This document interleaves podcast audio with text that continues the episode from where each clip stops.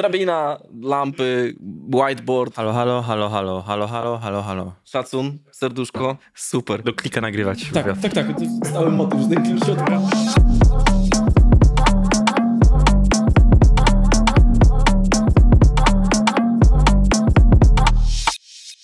Kawka jest, słuchaj. Tak, mamy wszystko. Tak, mamy wszystko. Mamy czas przede wszystkim. Tak, To jest najlepsze. tak. Dojazd spoko do naszego studia dzisiaj? No właśnie ostatnio uruchomiłem znowu rower. O. Mieszkam teraz mega daleko w ogóle, bo na Bemowie, ale zatrzymałem się po drodze na siłowni, ale ostatecznie tylko skorzystałem z sauny, więc tak, tak re, re, relaksacyjnie. Okej, okej, No, okej. ostatnio cały czas jakieś w ogóle sporty uprawiam, trochę po jakichś takich ostatnich różnych rzeczach to mnie jakoś tak przywraca do, do pionu. No kurczę, to jest dobry kierunek. Sport w ogóle w dzisiejszych czasach, no bo to jest jedna z najłatwiejszych sposobów, najtańszych do radzenia sobie ze stresem, nie? Jakby z takimi różnego rodzaju obciążeniami dnia codziennego. Więc y, super, że w tą stronę poszedłeś. Ja na saunie powiem ci szczerze, że byłem ostatni raz dawno temu, aczkolwiek bardzo mi się podobała sauna, bo są dwa typy sauny, nie? Tak, Jest, jest sauna tak zwykła i parowa. Zwykła i parowa, no, no to mi się bardzo podobała ta właśnie parowa, jako że tam tego wszystkiego jest tak dużo się dzieje i to jest takie fajne, przyjemne bardzo doświadczenie. Kiedyś w Ekwadorze jak byłem, to właśnie w hotelu, w którym spałem, była właśnie taka sauna parowa, ale zasilana takimi jakby żywymi e, Mhm. ziołami, że po prostu było mnóstwo jakichś takich roślin, A, typu okej. 5 kg liści mięty i na podstawie tego to tam parowała, więc to w ogóle było spoko.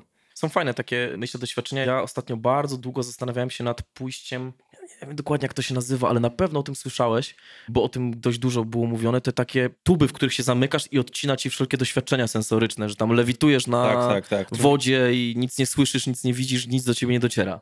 Trochę się tego e, boję, ale chcę to też spróbować. No bo to podobno są dwie szkoły, dwa typy ludzi. No, no. Ci, którzy po pięciu sekundach uciekają z tego z krzykiem No. i ci, którzy po prostu zatapiają się w to i mają mega odprężenie, nie? Że podobno Tak. niektórzy nawet sobie kompensują sen przy użyciu tych takich Mm. doświadczeń. Tak, no ja, ja znam w sumie tylko dobre opinie na temat tego, dużo znajomych to robiło i wszyscy to chwalą, ale jakoś ja się póki co jeszcze nie mogę zebrać. Chciałbym się zebrać do medytacji, to jest coś, co tak jakby czuję, że byłoby dla mnie wspaniałe, ale jest to duże wyzwanie dla mnie. Tak? No, chodziłem na jogę przez dwa lata, w ogóle dużo lubię robić takich rzeczy dla siebie, gotować, chodzić na targ, ale właśnie medytacja jakoś najciężej mi się zebrać, a jednocześnie wiem, że zawsze jak jej e, próbuję, to przynosi wspaniałe rezultaty. Mhm. Wiesz co, zgadzam się z tą w 100%. Ja akurat należę do tych takich modląco-medytujących się postaci Mhm. i rozgraniczam jedno od drugiego. Są dwa zupełnie inne typy jakby relacji z samym sobą czy z siłą wyższą.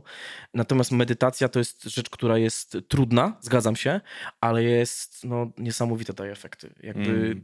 ja żałuję, że tak rzadko decyduję się. W sensie to jest takie, wiesz, trochę lekarstwo, w cudzysłowie lekarstwo oczywiście, żeby tutaj nie przesadzać z tym, ale to jest jakieś takie solucja, która jest po prostu od ręki No, dostępna. To prawda, to prawda. A ciężko jest się przekonać samemu, żeby z tego spróbować, nie? Ale to przynajmniej w moim przypadku to wynika z tego, że ciężko jest mi po prostu w trakcie dnia przestać pracować. Mhm, mhm. Że jakby jak jestem w mieszkaniu, no to, to ciężko mi, nie wiem, odejść od, od robienia muzyki, żeby po prostu załóżmy 10 minut posiedzieć. To jest dla mnie najtrudniejsze, wydaje mi się. Bo gdybym już to zrobił i usiadł na tej kanapie, to wydaje mi się, że mógłbym to, to robić. Ale jest takie, jakieś takie poczucie, że nie wiem, po prostu trzeba by jakoś sobie robić jakieś takie limity, tak jak są jakieś takie kontrole rodzicielskie, Mhm, mhm.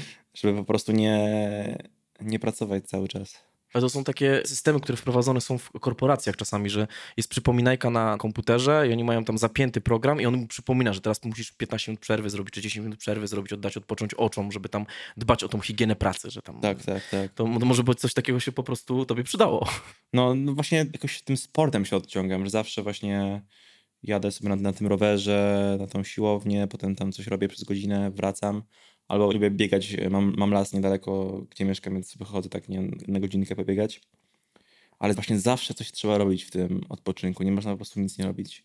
No właśnie, no bo to jest, y, wcześniej była tutaj Ofelia i z nią rozmawiałem i ona powiedziała takie właśnie zdanie, że jak człowiek tak trochę się zatrzyma, już teraz parafrazuję dokładnie, co ona powiedziała, ale że jak człowiek się trochę tak zatrzyma, to może nagle znaleźć się zbyt blisko samego siebie nie? i swoich Mm. uczuć i że to często jest tak, tak trudne i że to przed tym trochę uciekamy, wiesz, w pracę, w sport czy w inne tego typu rzeczy, nie? że to jest takie zastępcze. A takie zatrzymanie się to zawsze gdzieś tam uzmysławia człowiekowi, gdzie tak naprawdę jestem, nie? ze swoim tak. życiem i myślami. No ale czuję, że uda mi się tam dojść za jakiś czas. Po prostu ostatnio było jakoś dużo różnych podróży, dużo się w ogóle działo i tak mniej więcej za, za miesiąc już będzie wszystko w porządku, czuję. że muszę Okej. miesiąc tak potrzebuję, żeby wszystko poogarniać. Okej, okej, okej. Dobrze, rozliczymy cię z tego. Zadzwonimy, No dobra, zapytamy. Ej, Kuba, miesiąc minął od ostatniej rozmowy. Co się dzieje? Słuchaj, ja bardzo chciałbym z tobą właśnie o tym czasie teraz trochę porozmawiać, trochę wrócić do przeszłości i generalnie sobie poznać ciebie w tej rozmowie, bo nie mieliśmy jeszcze okazji się poznać, więc poznajemy się po raz pierwszy. Niektórych gości znam, których tu zapraszam, niektórych poznaję dopiero przez podcast. Więc ja tak sobie zacznę powiedzmy oficjalnie, żeby nasi słuchacze wiedzieli, że o, to jest ten moment, w którym oni zaczynają rozmawiać wreszcie na poważne tematy. Tak. E, zaczyna się poważna rozmowa, choć myślę, że ta poważna rozmowa trwa od samego początku. To jest podcast Dyskast. Ja nazywam się Mateusz Dudek-Jędrys, jestem prowadzącym. Zasadą naszego podcastu jest to, że nasz gość zawsze przedstawia się sam, więc jakbym mógł ciebie uprzejmie prosić, żebyś się przedstawił naszym słuchaczom. Nazywam się Kuba Wiącek, jestem saksofonistą, jazzmenem, a od paru lat również producentem muzycznym i robię dużo muzyki elektronicznej. To sprawia mi ostatnio bardzo dużą przyjemność. A jednocześnie bardzo lubię gotować i podróżować. No, zgrabnie, pięknie. To będzie o czym na pewno rozmawiać. Kuba, czas teraźniejszy. Co się dzieje? Bo wspomniałeś o tym, że dużo się dzieje i ja chciałbym po prostu od tego wyjść i sobie tak przejść z tobą tą drogę o twoim życiu. E, No właśnie ostatnie lata spędziłem na właśnie byciu producentem muzycznym i trochę się odsunąłem od mojej takiej ścieżki muzyka jazzowego. Mhm. I w pewnym momencie jakoś tak się zorientowałem, że kurczę, jak w sumie chcę komuś pokazać, jakby kim jestem muzycznie, to na ten moment nie mam czegoś takiego. I to mnie trochę zmotywowało do tego, żeby pod koniec zeszłego roku nagrać nowy album, który będzie miał premierę we wrześniu tego roku. Mhm. I to jest coś, nad czym dużo myślę ostatnio. Pamiętam, jak wychodził mój pierwszy album, to wtedy to było takie.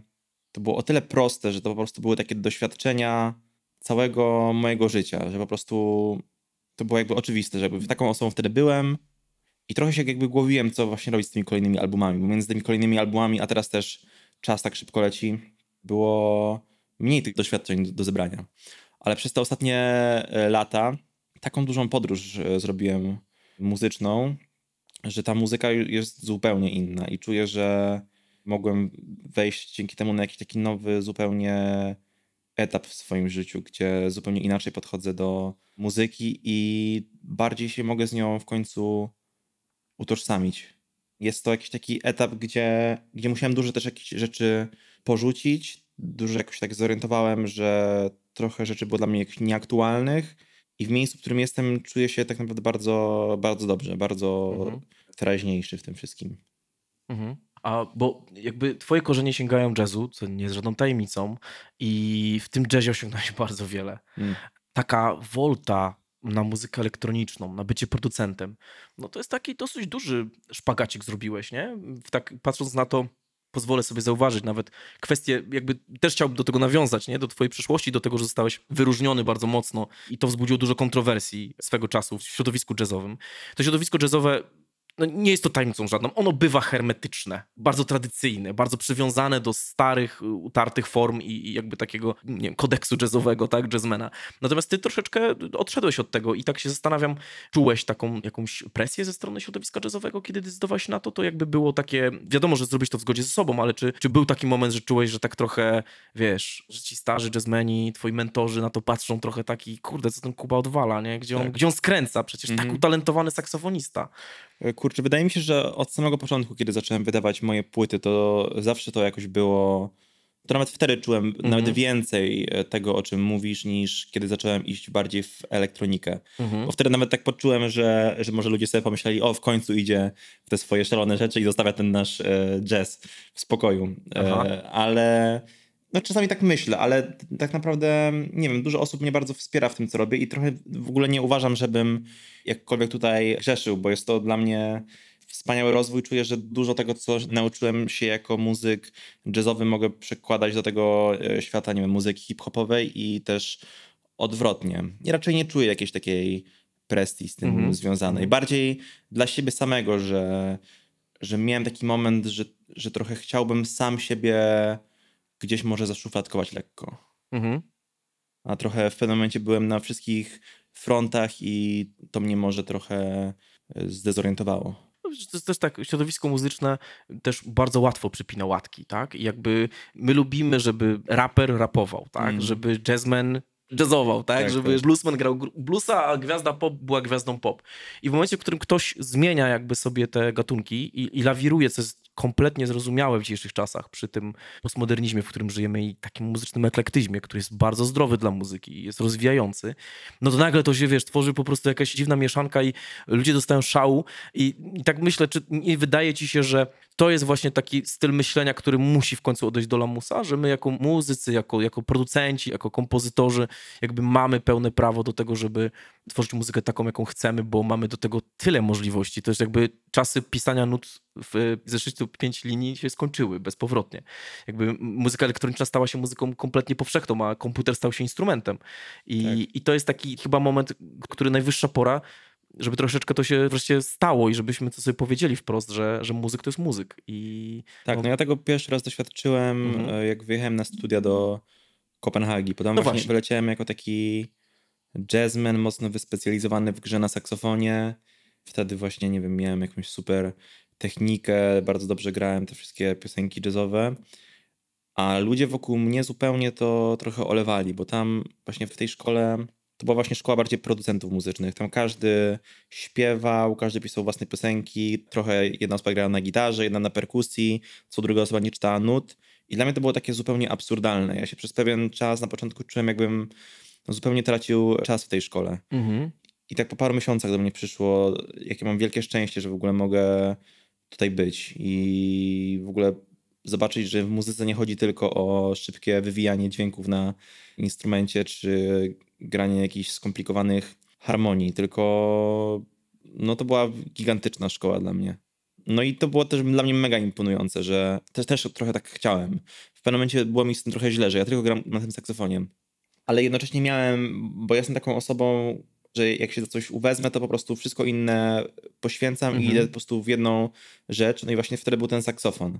Ale w pewnym momencie zacząłem się orientować, że te wszystkie moje marzenia chyba już nie są aż takie aktualne, w te takie jazzowe, że już na przykład Jasne. nie zależy mi na tym, żeby zagrać z moimi mistrzami z Nowego Jorku, nie zależy mi na tym, żeby grać nie wiadomo jakichś e, scenach, tylko zupełnie się okazało, że coś innego stało się dla mnie ważne. A miałeś, ja czasem pytam o to mm, artystów, którzy do nas przychodzą, miałeś taki moment w swoim życiu, że tak się mówi, nie? Never meet your heroes, tak? Nigdy nie poznawaj swoich mistrzów, swoich mentorów, swoich bohaterów. Miałeś taki moment w swoim życiu, że poznałeś swojego bohatera? Kurczę, no cały czas poznawałem. E, Mhm. Tak naprawdę odkąd miałem 19 lat, to regularnie jeździłem do Nowego Jorku, gdzie się po prostu spotykałem z moimi mistrzami i nie wiem, brałem od nich lekcje, umówiłem się na kawę, obiad i wtedy to było jeszcze takie właśnie relacje mistrz i uczeń, ale właśnie jak mieszkałem w Kopenhadze, to wielu z nich tam przyjeżdżało regularnie, bo Dania e, miała dużo takich, takiego finansowania, że oni mogli sobie pozwolić na sprowadzanie takich najlepszych muzyków ze Stanów i po prostu oni tam byli, żeby grać z Mhm. I wtedy właśnie to był też taki moment, że, że trochę już przestałem mieć takie autorytety, które dla mnie były takie nieosiągalne, bo zauważyłem, że po prostu jestem w stanie z nimi grać, oni jakby traktują mnie na równi i to wydaje mi się bardzo mnie zmieniło.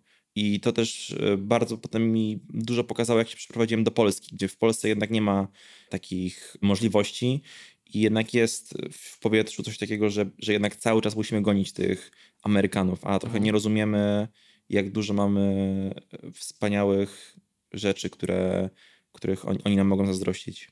Mhm. To jest trochę tak, my mamy, nie? Ten taki narodowy, powiedziałbym, taki cechę, nie? Mm. Że my cudze chwalimy, swego nie znamy, tak? Że w naszej muzyce, wśród naszych w ogóle muzyków jest mega dużo utalentowanych ludzi, którzy też czerpią nawet z muzyki tradycyjnej, nie? To jest jakiś taki, dużo tego ostatnio się działo w ciągu powiedzmy ostatniej dekady, takiego czerpania, gdzieś tam Tak. sięgania do źródeł, używania sampli, czy, czy, czy fragmentów, śpiewów, czy nawet, y, no tutaj Miłosz i zespół pieśni, tańca Śląsk. No, wspaniałe rzeczy się działy pod tym względem. Czyli gdzieś tam jest czerpanie do źródeł, jest tworzenie jakiegoś własnego takiego vibe'u w muzyce. No i rzeczywiście na zachodzie to jest tak, że oni po prostu robią tą muzykę, bo oni czerpią nie? z tego, z korzeni muzyki czarnej, która tak naprawdę ugruntowała de facto muzykę taką, jaką my dzisiaj znamy.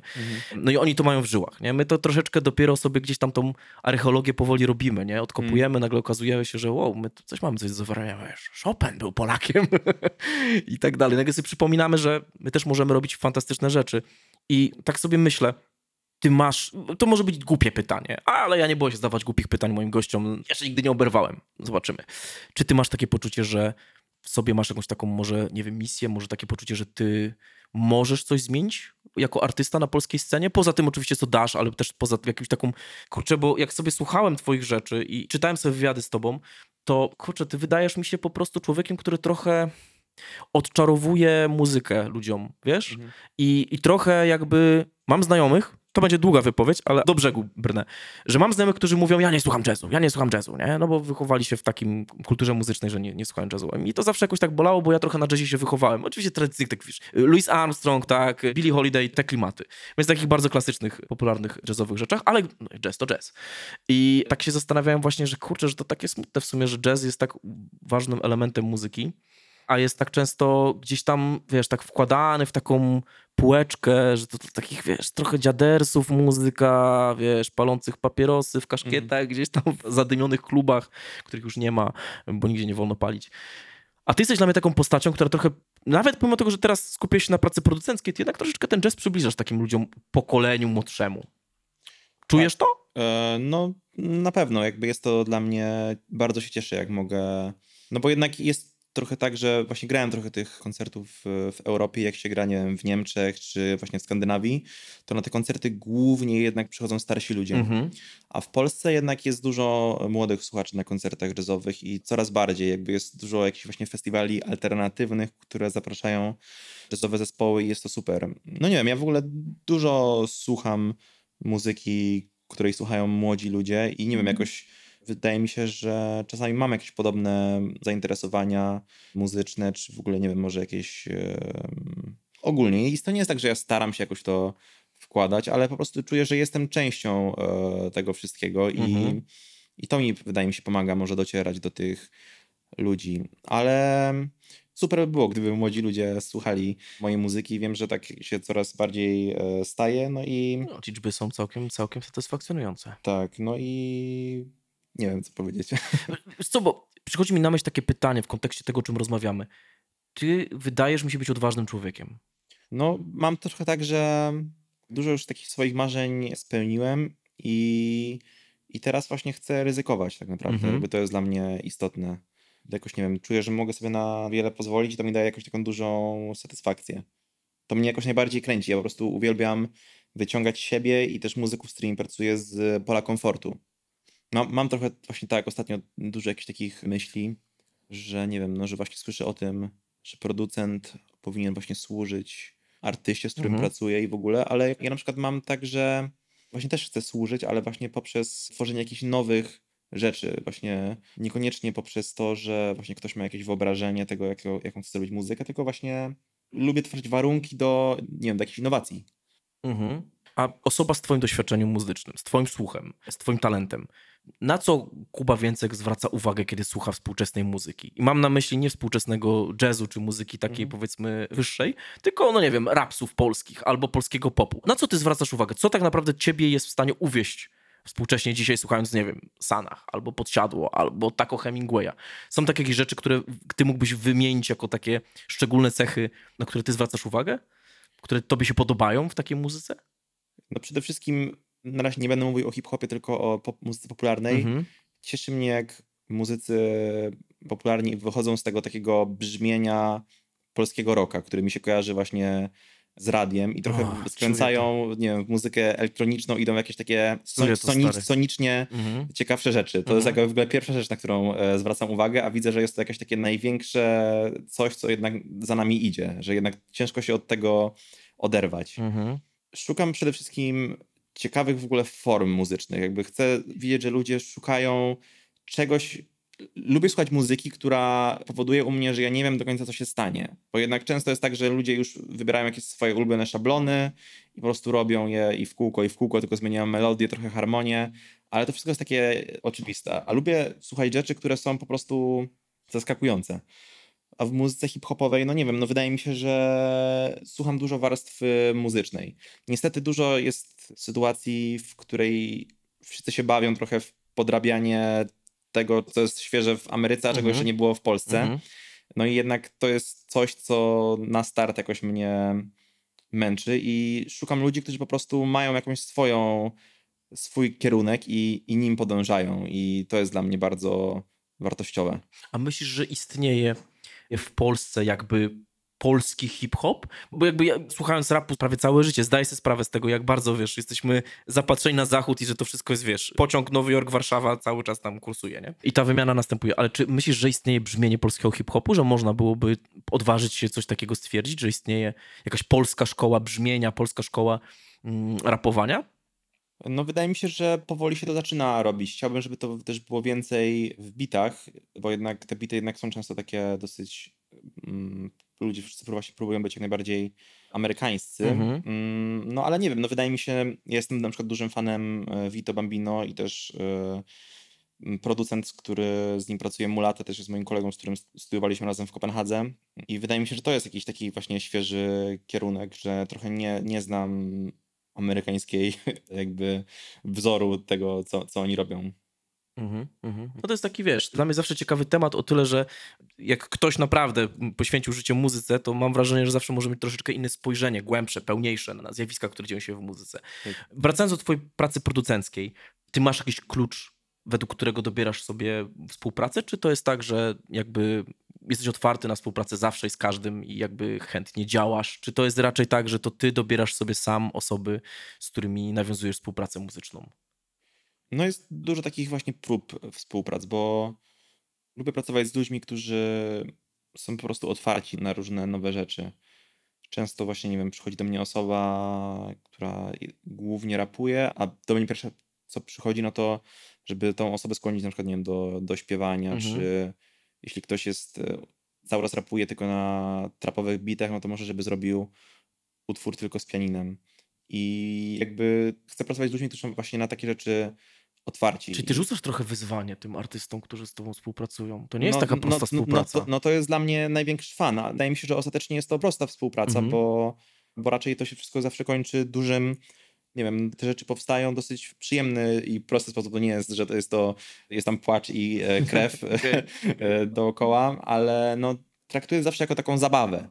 Wiem, że często producenci, jak się spotykają z artystami, no to często ludzie sobie lubią słuchać najpierw inspiracji i mówią, bo słuchamy tych trzech utworów i zróbmy utwór, to są nasze inspiracje. A jak się spotykam z ludźmi, to, to wolę najpierw może coś zjeść, napić się kawy, a potem robimy muzykę i po prostu robimy muzykę. Jakby nie, nie, nie słuchamy niczego, tylko właśnie mamy taką kartkę od zera. I to się musi przede wszystkim, na przykład w moim przypadku, spełnić, żebym mógł z kimś pracować. Taka po prostu otwartość na, na popełnienie błędu na ryzyko, że robimy coś i jeśli nic nie wyjdzie, to trudno, ale po prostu zobaczmy, kim dzisiaj jesteśmy. Mhm. To się zazwyczaj dzieje jakoś losowo, że się po prostu jakoś przyciągamy e, we, we wszechświecie i czasami są to jakieś takie po prostu oczywiste rzeczy, że ktoś powinien z sobą pracować, a czasami są to niespodzianki, ale trochę nie wiem, jak to się dzieje. Raczej tak spontanicznie. Okej, okay. czyli tutaj gwiazdy, kosmos, energia. Trochę tak, trochę tak. Tak, rozumiem, rozumiem. A masz jakąś taką współpracę, która była dla ciebie najbardziej pozytywnie zaskakująca? Byłbyś w stanie coś takiego wymienić? E, no, zdecydowanie odkąd zacząłem zajmować się robieniem bitów, elektroniki, mhm. to od razu jedną z pierwszych osób, do której się zwróciłem, był Koza Mhm. Bo jego słuchałem wcześniej, on też był bardzo popularny w takim środowisku alternatywno-jazzowym, więc jakby o nim usłyszałem i wiedziałem, że on będzie gotowy do tych moich dziwnych bitów rapować. Mhm. No i po prostu od samego początku spotykałem się z nim w każdy tydzień, czasami dwa razy w tygodniu i robiliśmy numery. Mamy, nie wiem, ponad 50 numerów i po prostu to było coś, co pozwoliło mi się mega rozwinąć, tak samo jemu. I to po prostu była wspaniała, wspaniała zabawa to po prostu było przepiękne.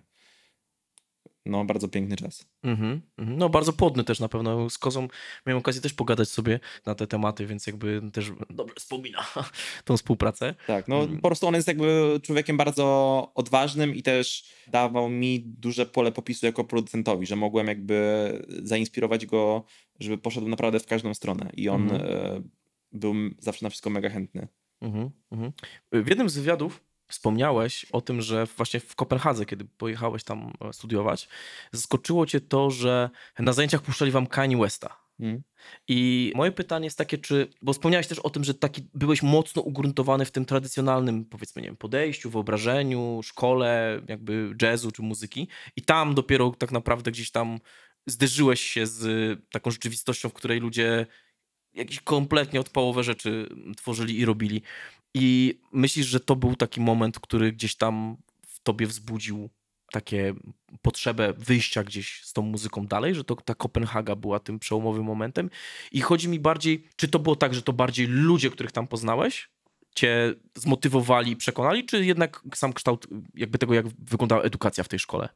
To wszystko było takie opóźnione, że właśnie ta Kopenhaga miała wielki wpływ na mnie, Mhm. ale ten wpływ dopiero zaowocował po paru latach po powrocie do Polski. Ludzie w tej szkole naprawdę byli szaleni. Robili po prostu wszystkie rzeczy. Od jakiegoś super noizu po jakiś K-pop, jakby naprawdę się czułem bardzo konserwatywny grając tam mój jazz. No i właśnie to było tak, że mieliśmy różne zajęcia i właśnie niektórzy właśnie pokazywali Kaniego, inni słuchali Bjork i po prostu słuchałem tego i po prostu zacząłem zauważać, jak tu jest dużo wspólnych rzeczy pomiędzy jazzem, pomiędzy tymi kompozycjami, które ja piszę i jak dużo mogę od nich też wziąć od tych innych artystów. I tak naprawdę dopóki nie wyszła płyta To Pimp a Butterfly Kendricka, do tego momentu nie wiedziałem, co z tym zrobić. A jak tą płytę usłyszałem, to po prostu wiedziałem, co ja będę robił w przyszłości. Mhm. Jakby wiedziałem, jakby, co mnie tak naprawdę kręci w tym wszystkim. No ale potrzebowałem jeszcze, jeszcze paru lat posiedzieć w tym jazzie, zanim jakby mogłem rozwinąć skrzydła. Mhm. Mhm. Mhm. A nie- niektórzy w sumie to trochę twierdzą, że często się spotykam z takimi ludźmi, Mhm. y, którzy mówią, że trochę szkoda, że nie zostałem w tym jazzie, ale po prostu ja już nie mogłem, bo się tam dusiłem. Mhm. Mhm. Jasne, jasne, jasne. Ja myślę, że to jest coś, co ja lubię powtarzać i nie są to moje słowa, ale że no, konsekwencja trochę zabija sztukę. Nie? Mhm. Że niekonsekwentność jest jednak rzeczą, która gdzieś tam na maksa rozwija i jakby na przykład też myślę, że z tego powodu twoja kolaboracja z raperem zwanym Kozą tutaj jakby była zupełnie, zupełnie tak, tak. dopełnieniem jakby tego, że jednak gdzieś tam była duża niekonsekwencja. Mhm. I u niego tak naprawdę muzycznie i u ciebie, że się spotkaliście i powstało coś zupełnie zajebistego. Tak. A czy ty na tym etapie życia, jesteś młodym gościem, nie? Ile ty masz? Będę ty? miał 29 w tym roku. Jo, stary, to za chwilę trzydziecha. No, no. No, ale to jeszcze jesteś młody. Spoko, jak dwójka jest z przodu, wiesz, to jest najważniejsze. Ta cyfra z przodu jest najważniejsza. To, co Tak. się za nią, to się nie liczy. E, czy ty masz na dziś dzień jakieś takie muzyczne marzenia, którymi żyjesz jakoś mocno? Są jakieś takie, wiesz, kurde, no bo Fryderyka już dostałeś, Mhm. no w Polsce już więcej stary nie osiągniesz, w sensie w cudzysłowie, jeżeli chodzi o nagrody, tak? Fryderyka już masz, no to co, można już jakieś, zawalczyć jakiegoś popkillera, wiesz, te klimaty, Mhm. ale czy jest coś jeszcze, co, o czym ty marzysz muzycznie jakby w tym momencie? No, wydaje mi się, że właśnie mam teraz nowy projekt, który we wrześniu będę wydawał. Mhm. I to jest jakaś taka rzecz, do której mam dużo różnych ambicji. No nie wiem, no przede wszystkim zależy mi na tym, żeby fajnie było rzeczywiście jakoś, nie wiem, ten jazz trochę otworzyć, że nie wiem jak to powiedzieć, żeby rzeczywiście to, tak jak mówiliśmy o tym wcześniej, żeby to Mhm. jeszcze bardziej trochę przyciągało Mhm. ludzi. Mm, A masz jakiś pomysł na dziś dzień? Co tak Mhm. naprawdę odstrasza ludzi od jazzu? Ja wiem, że to jest takie trochę pytanie z dupy, ale ja sam się nad tym zastanawiam, bo wiesz, jakby ja pamiętam czasy, początek lat 2000, jak Ostry wydał no dwie fenomenalne płyty, Jazz w wolnych chwilach i Jazzurekcję. Wszyscy tego słuchali. I jakby tam było tyle otwarcia na muzykę jazzową. Przecież to było, ja między innymi przez te płyty zacząłem słuchać w ogóle, wiesz, zainteresowałem się jakoś mocniej jazzem. Tam pamiętam, były wydawane te składanki, czekaj, jak to się nazywało, Jazz Smooth Cafe, gdzieś tam było jakieś L dodawane, wszyscy wtedy słuchali jazzu. tak, tak. I to było spoko, nie? No bo na jakimś poziomie to otwierało ludzi na, na w ogóle tego typu brzmienia. I się zastanawiam, ale skąd wzięła się ta, ten opór? Czy to samo środowisko jest zniechęcające, czy, czy to właśnie przez to, że to jest tak akademicka muzyka momentami? Środowisko nie, nie jestem pewien. Wydaje mi się, że ze środowiskiem jest w ogóle coraz lepiej, jeśli chodzi o jazz. To jest chyba trochę podobny problem jak w muzyce popularnej, czyli, ta przewidywalność, która się stała. Jednak jazz zawsze był muzyką improwizowaną, a w pewnym momencie stało się taką jednak muzyką, w której rzeczy zaczęły być zbyt oczywiste. Mhm. Mm, No ale jeśli chodzi o jakieś takie pomysły, no to są jakieś, ogólnie muzyka bardzo szybko ewoluuje i wydaje mi się, że, że jazz w pewnym momencie trochę został w tyle i trochę to wszystko cały czas brzmi i wygląda tak samo i wydaje mi się, że tutaj są jakieś takie możliwości, w których można by pokombinować, czyli nie znam przykładowo w polskim jazzie zespołów, które mają na przykład jakoś, nie wiem, dużo klipów, teledysków, teledyski do, do muzyki instrumentalnej. Faktycznie, to jest masz jakaś, rację. w Mhm. ogóle nie ma czegoś takiego. Czy w ogóle jakoś pomyśleć, żeby po prostu ta muzyka może stała się czymś więcej niż samą muzyką, jakby nadać temu wszystkiemu jakąś historię, znaleźć jakiś wątek przewodni tego wszystkiego, bo jednak muzyka jest dosyć abstrakcyjną rzeczą i fajnie byłoby znaleźć jakiś, pomóc sposób na, na wytłumaczenie, ogarnięcie słuchaczowi tego wszystkiego. I wydaje mi się, że tutaj są jakieś takie Mhm, miejsca mhm. do, do eksploracji. Mhm. Ja pamiętam, to jest bardzo ciekawe to, co mówisz. W ogóle zwróciliśmy uwagę na rzecz, na której nigdy nie myślałem o tym, że nie kręci się klipów tak naprawdę No, do muzyki jazzowej. Żeby, żeby to wszystko nie musiało być takie.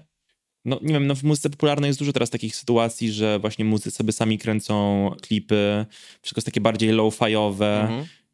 I wydaje mi się, że w jazzie też powinien przyjść moment na coś takiego i bo potrzebujemy tego po prostu.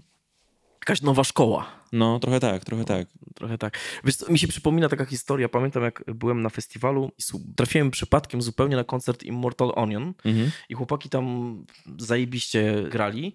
No i pamiętam, że po koncercie przyszedłem do nich i w ogóle w takim totalnym wrażeniem ich muzyki, bo miałem wtedy pierwszy raz styczność z nimi. Mówię do nich, kurwa, pięknie gracie, chłopaki, jesteście cudowni.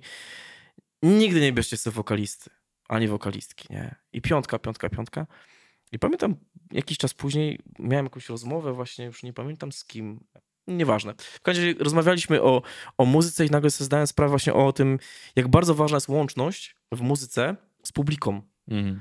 I jak kurwa ważną rolę spełnia wokalista. Mm. I zdałem sobie sprawę z tego, że to, co im powiedziałem, totalnie się, że tak powiem, cofam to, co powiedziałem. Po prostu, bo to jest kompletna bzdura, to, co ja powiedziałem. Bynajmniej oni sobie świetnie poradzą bez wokalisty, to jest wspaniały, wspaniali ludzie, ale kurczę, jednak jest ten element, który łączy publikę z zespołem, w którym jest postacia frontmana, nie? który jest w stanie... Nie zawsze on jest wymagany, tak? Niektórzy sobie świetnie radzą bez tego.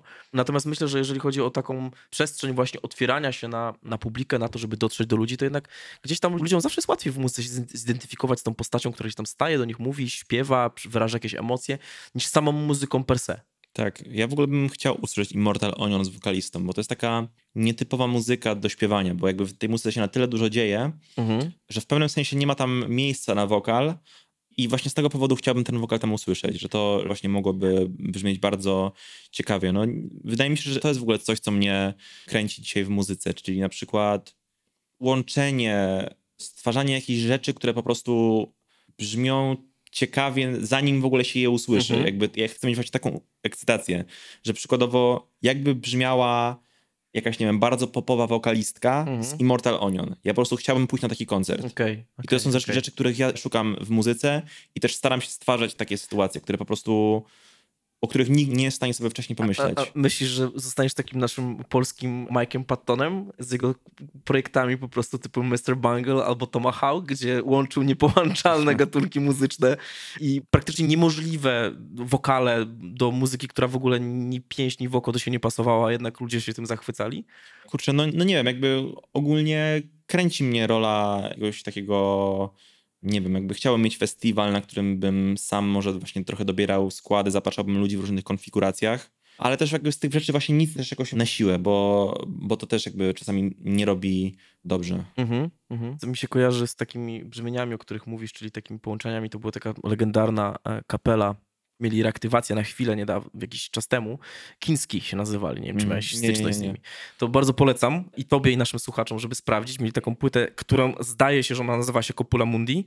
No i oni tam generalnie śpiewali po niemiecku, po łacinie, po włosku, w ogóle w iluś tam językach. No i to była taka typowy, ciężki wpierdol, Mhm. ale łączący bardzo dużo wirtuozerii jazzowej i, i dziwnych właśnie wokali i, i to była taka trochę, dla ludzi, którzy może słuchają na co dzień popu, to była po prostu kakofonia, natomiast jeżeli ktoś tam lubi dużo bardziej sobie pogrzebać w muzyce, to bardzo serdecznie polecam polski zespół chiński do sprawdzenia, gdzieś chyba na YouTubie jeszcze można ich wykopać, Mhm, mhm. ale wiesz co, sobie pomyślałem, że strasznie mi się podoba to, co mówisz, bo wydaje mi się, że bardzo potrzebne jest w polskiej muzyce i w ogóle w naszej przestrzeni, w której żyjemy, właśnie osoby, które będą w jakiś sposób inicjowały ten eklektyzm muzyczny wykorzystywały w takiej najlepszej możliwej formie, żeby te zastałe takie formy muzyczne, z których, których my jesteśmy tak przyzwyczajeni, z nimi osłuchani, gdzieś tam challenge'ować słuchacza, pokazywać, że można łączyć rzeczy pozornie ze sobą niepołączalne i kurczę, to jest totalnie coś, co ja widzę, nie? Tak, to, co Tak, ty tak. mówisz. No kurczę, chciałbym, żeby po prostu ludzie mniej się musieli jakby właśnie martwić i bać o to, że nie wiem, stracą swoją pozycję czy coś tam, bo wydaje mi się, że jest dużo takiego strachu w powietrzu, że jeśli nie nagram kolejnego takiego, nie wiem, hitu w stylu, w jakim ludzie mnie znają, mhm. no to stracę to, co mam, nad czym pracowałem. Ale to jest iluzja, nie? To jest, A to jest totalnie iluzja. iluzja, no bo wydaje mi się, że, że niektórzy właśnie ci ludzie są w takiej jakiejś maszynie marketingu, że to nie ma znaczenia jakby co oni mhm. wypuszczą i mogą sobie naprawdę pozwolić na robienie super ambitnych rzeczy i chciałbym, żeby ludzie to trochę zrozumieli i jakby wykorzystali to, żeby naprawdę pchnąć muzykę do przodu. Jakby mamy naprawdę gigantyczne możliwości w Polsce, żeby rozwijać muzykę. Mhm. Powinniśmy to robić. Właśnie to jest ciekawe, że patrz jak... To jest jedna rzecz, która dla mnie jest największy podział między polską a muzyką amerykańską, no bo mhm. sięgnijmy do największego przemysłu muzycznego na świecie. Jest taka, że w Polsce, dopiero co miałem na ten temat rozmowę z jedną moją zaprzyjaźnioną wokalistką, nagrała piosenkę, która jest kompletnie nie... jest w innym klimacie, powiedzmy, w innym entourage, no i już jakby decydowała się wydać ją pod innym pseudo. I ja jej, ja jej mówię, dlaczego? Dlaczego nie wydać tego pod swoim jakby stałym pseudo, pod którym mm. wydajesz muzykę? No bo to jest już troszkę co innego. I co z tego, że to jest coś innego? Popatrz na zachodzie, jak to robią. Popatrz tak. jak, no, nie wiem, z rękawa wymieniam na przykład Childish Gambino, tak? Mm -hmm. No przecież on robi tak różną muzykę, przecież to jest ni w pięść, ni w oko te tak, jego płyty tak. do siebie. Nie, to jest kompletnie inna inspiracja, kompletnie inne brzmieniowo. Tam czynnikiem, który łączy płytę a płytę, tym mostem jest tylko i wyłącznie on, tak, jako Daniel, tak, tak. Danny Glover, a cała reszta, no to są po prostu jakieś wiesz, jego inspiracje, które ma w danym momencie, nie? Muzyka mm. afrykańska, jeb, nie? Jazz, jeb, R&B, dawaj, nie? Ciężki hip-hop, kurwa, stary, nie? Jakby mm. nie ma problemu. A my w Polsce, i właśnie to jest ciekawe, co mówisz, że my w Polsce mamy jakiś taki ścisk dupy, za przeproszeniem, że o nie, ja robię po prostu hip-hop na trapowych bitach i ja już będę go robił do śmierci, bo ja tak, się tak. boję, że pójdę w innym kierunku, to mnie, wiesz, to mnie tak. zjedzą. Albo drillowcy, którzy tylko robią drill w kółko, tak. nie? Jakby ten sam beat. I druga płyta z rzędu. I to jest ciekawe, skąd się ten. Czy myślisz, że to jest bardziej bierze się właśnie z kwestii tego, jak działają wytwórnie muzyczne i jak działa przemysł, czy bardziej po prostu z jakichś, nie wiem, może kompleksów, może jakiegoś takiego ogólnego zastraszenia polskich artystów tym, że scena jakby nie lubi zmian, nie lubi, że ktoś próbuje być, wystawać poza resztę. To nie jest czasem to też takie, takie polskie, przepraszam, że to powiem, katolickie strzeżenie trawnika, tak, że my po prostu wszyscy mamy być równo i nikt nie ma gdzieś odstawać, bo my wszyscy mamy wyglądać tak samo, mamy tak samo myśleć, tak samo chodzić, tak samo się modlić, tak wiesz, chodzić do tego samego kościoła, do, po tego samego sklepu, po to samo mleko? Mhm.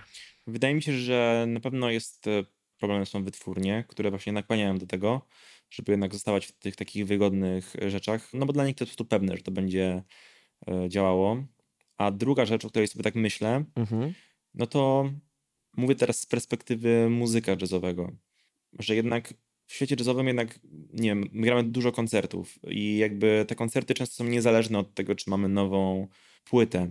I wydaje mi się, że w świecie takim e, popowym jednak ludzie się bardziej na tych streamingach skupiają niż na samym e, graniu koncertów często. Mhm. I właśnie szczególnie tacy, nie mówię o takich topowych artystach, którzy są cały czas w trasie, ale o takich bardziej zaczynających swoje kariery, czy tam będących w jakiejś tam połowie, że chyba ludzie jednak myślą o tych, nie wiem, playlistach i tak dalej. Oczywiście. I jednak to jest coś, co jakoś może ich szufladkuje, że kurczę, jeśli tego to nie będzie takie, to się nie dostanę na playlistę. Mhm. Um, albo do przyzwyczajenia algorytmów do, do tego, żeby iść w jakimś kierunku. No nie mam pojęcia od czego to zależy, ale chciałbym, żeby rzeczywiście ludzie mieli jakiś taki komfort, żeby sobie bardziej poryzykować. Myślę, że to jest, wiesz, to jest taka rzecz, która my ciągle gdzieś tam muzycznie, nie wiem, czy się z tym zgodzisz, właśnie cały czas, tak jak żeśmy powiedzieli na początku, krążymy wokół tego tematu. My strasznie gonimy ten zachód, a czasami brakuje tego takiego momentu, żeby zatrzymać i spojrzeć i zastanowić się, okej, okay, ale co my tak naprawdę mamy do powiedzenia w muzyce, nie? Jak tak. tutaj połączyć te nasze... Notabene jesteśmy krajem, który wypuścił mnóstwo wybitnych muzyków na świat, gigantycznych kompozytorów, a wciąż gdzieś tam mamy ten taki dziwny kompleks tego, że nasza muzyka jest taka... Nie wiem, czy się spotykasz z tym. Mi się często zdarza, co mnie smuci, cholernie mnie smuci. Ja nie słucham polskiej muzyki, bo polska muzyka jest chujowa. Mm. Ja myślę, zawsze zastanawiam się, no ale w czym jest chujowa? Bitach? W elektronice, która dzisiaj już jest upowszechniona, która brzmi tak samo, na tych samych syntezatorach, to jest robione w tak samo wyposażonych studiach jak na zachodzie, no może pół gwiazdki niżej, nie? Ale generalnie przecież to jest prawie na tych samych sprzętach to jest robione, tak? tak? tak, tak. I jakby zastanawiam się, w czym jest gorsza, tak? W tym, jak skomponowane są te bity, nie wiem, czy muzyka w ogóle, tak? Jakby, -hmm. no, dzisiaj mówię bity, tak, dla naszych słuchaczy, żeby to nikt tu mnie nie posądził o to, że muzyka opiera się tylko na bitach, ale chodzi mi o użycie elektroniki, tak, tego, co dzisiaj jakby stół producencki, tak? tak Bo to tak. przez to idzie cała muzyka. To się broni. Tak, no wydaje mi się, że mamy dużo rzeczy, za które możemy być dumni. Właśnie teraz jak byłem przez parę miesięcy w Los Angeles od stycznia, to spotykałem się z wieloma tam raperami i oni właśnie w ogóle nie byli zainteresowani takimi, nie wiem, jakimiś bitami właśnie trapowymi, czy tam rzeczami idącymi bardziej w stronę tego, co oni tam mają, tylko no nie wiem, przykładowo dostałem jakiś czas temu od kolegi 50 gigabajtów muzyki ludowej z Ukrainy. Mhm. No i właśnie zrobiłem z tego mnóstwo sampli i to po prostu było wspaniałe słyszeć tych amerykańskich raperów, którzy po tym nawijali bo to w ogóle mega brzmiało świeżo. To ich mega inspirowało, bo to było dla nich coś zupełnie nowego, bo tam też jest zupełnie, wydaje mi się, dużo znudzenia tym, co oni już mają i bardzo szukają nowych rzeczy. I wydaje mi się, że, że jest coraz więcej jednak spojrzenia na naszą część świata. No tak, no bo wciąż my mamy sporo do zaoferowania tego, czego oni kompletnie tak. nie znają i nie mają tego, nie? W tak, tak, na, tak. najmniejszym stopniu. No bo jakby nie patrzeć na historię Stanów Zjednoczonych, no to jest dosyć młody kraj, więc jakby tam ciężko jest szukać tak naprawdę takich typowo ludowych brzmień, które my mamy muzyki tradycyjnej, która, wiesz, ma ileś tam set wręcz lat historii. Tak, tak. Nie znam się dokładnie na tym, więc też nie chciałbym tutaj palnąć jakieś głupoty, mm. no ale jednak jest to osadzone gdzieś tam w tych takich brzmieniach bardzo, bardzo wczesnych i, i wywodzące się z pieśni religijnych i takich rzeczy. Także my mamy jakby z czego czerpać.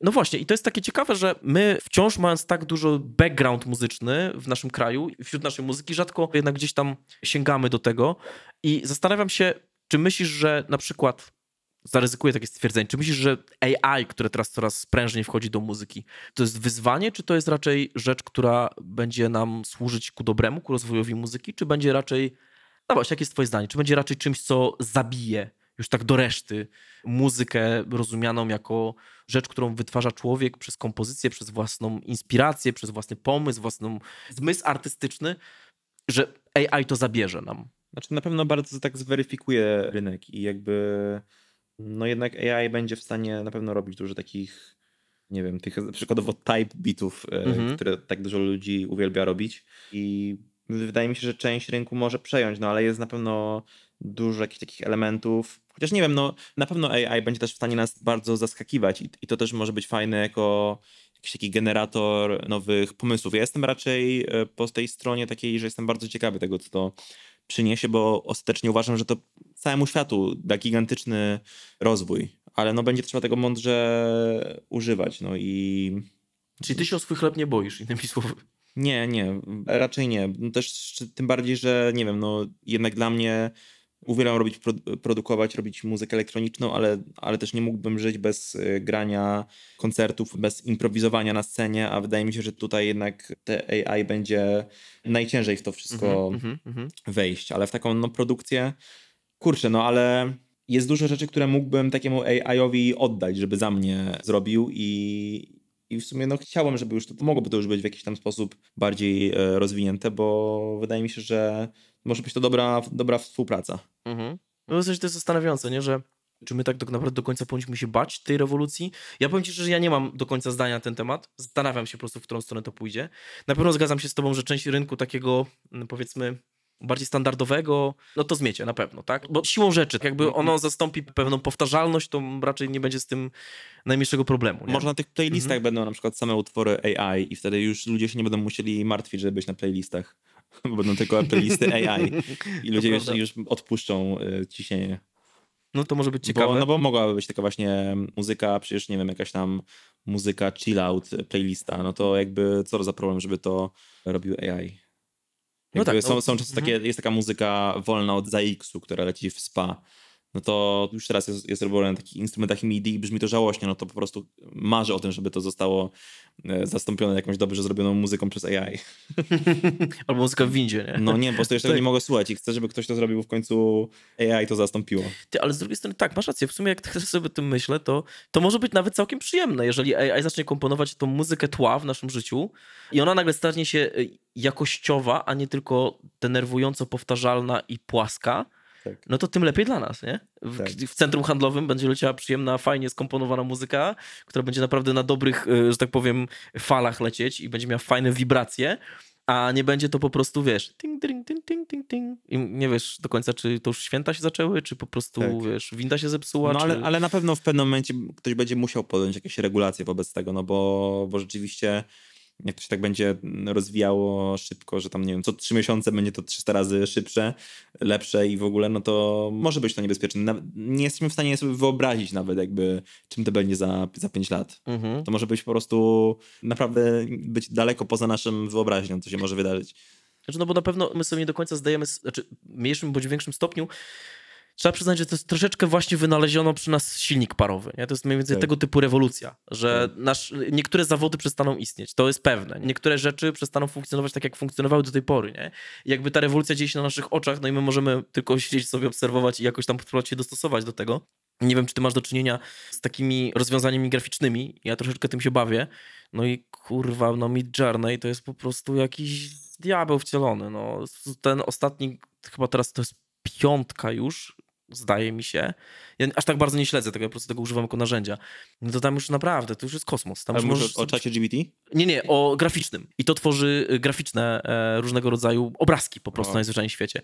No naprawdę po prostu łącząc to z odpowiednim doborem jakby słów, Taki... które mu zadajesz, tak to można wygenerować wszystko, włącznie z tym, że żywych ludzi, tak? I nawet, mm. nie wiem, czy spotkałeś się, ale w internecie ludzie czasami wrzucają zdjęcia z imprez albo z festiwali, które nigdy się nie odbyły. Mm. I one są wygenerowane przez AI i to naprawdę stary wygląda.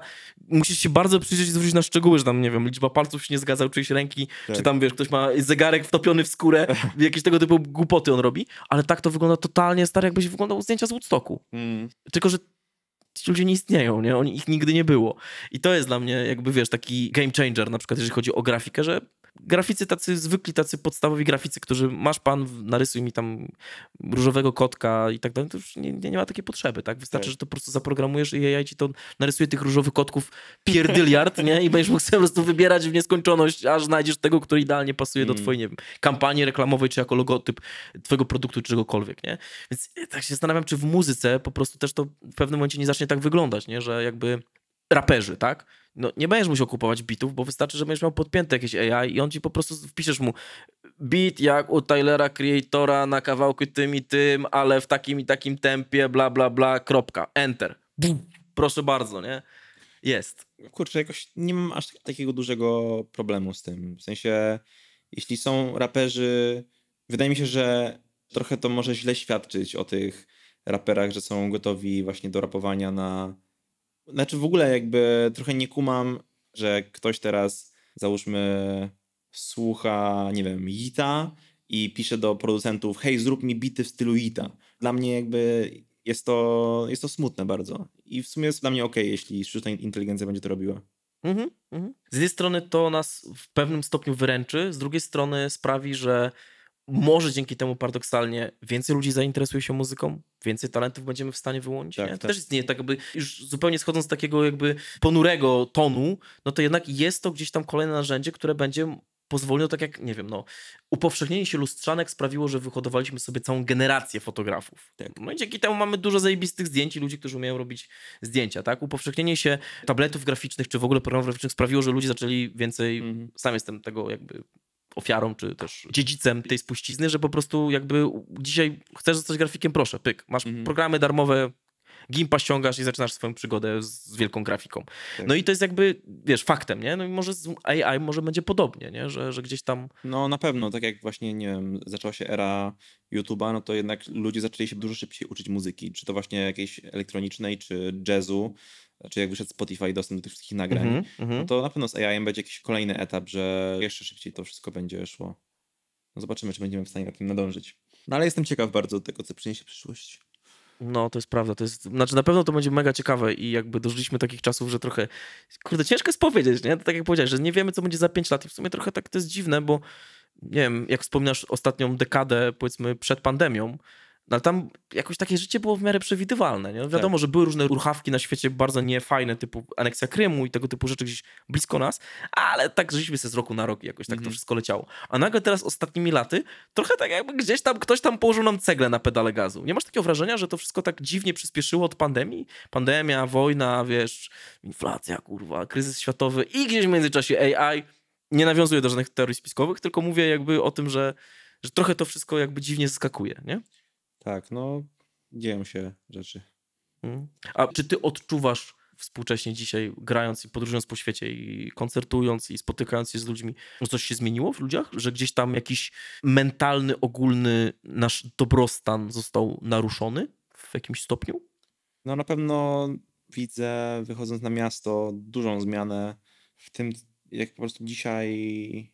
Albo może po prostu zacząłem to zauważyć dopiero ostatnio, czy może to już funkcjonowało od wielu lat, ale po prostu widzę, jak ludzie są jednak bardzo skupieni na, na tym, żeby zrobić dobre zdjęcie na Instastory Mhm. i po prostu jakby mniej obecni, mniej rzeczy jakby dla nich takich istotnych, że jednak dużo bardziej żyją w tym wirtualnym świecie.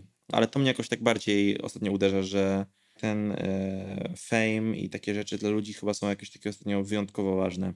Mhm. I to jest coś, czego nie dostrzegałem jeszcze jakieś 5 lat temu.